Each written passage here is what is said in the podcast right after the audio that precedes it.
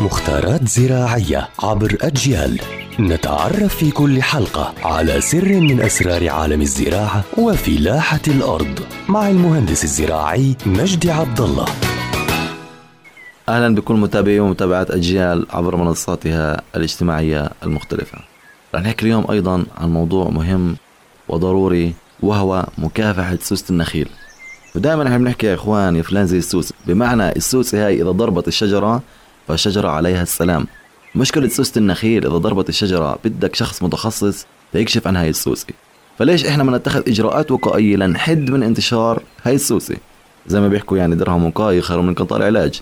فأنا بكافح سوسة النخيل عن طريق عدة طرق أولا الفيرمونات الفيرمونات الأرضية وهي فيرمونات مائية طبعا بتيجي زي وعاء بلاستيك مغلق بنعلق فيه لزقة أو sticker هاي اللزقة عبارة عن رائحة جنسية. طبعا نتفق أن سوسة النخيل محبة جدا للجنس فالريحة الجنسية الموجودة على اللزقة تجذب سوسة النخيل فسوسة النخيل بتدخل داخل هذا الفرمون المائي ومباشرة بتموت. طبعا بكون الفرمون المائي فيه ماء بيكون فيه تمر يعني حبات تمر وبكون أيضا في لزقه أو استيكر معلقة بهذا الصندوق.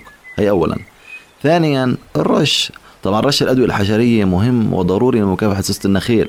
دائما سوسه النخيل بتكون إيش؟ بين الكرب وبين الموجودة في النخيل. بمعنى بتكون بساق النخلة فأنا لما أرش الأدوية المتخصصة لما أحقن النخيل بالأدوية المناسبة أنا بكافح هاي السوسة فنهتم بموضوع أولا الفرمونات المائية وتعليق المصائد عليها وتعليق الاستيكر أو اللزقة وأيضا رش الأدوية الحشرية مباشرة على النخلة.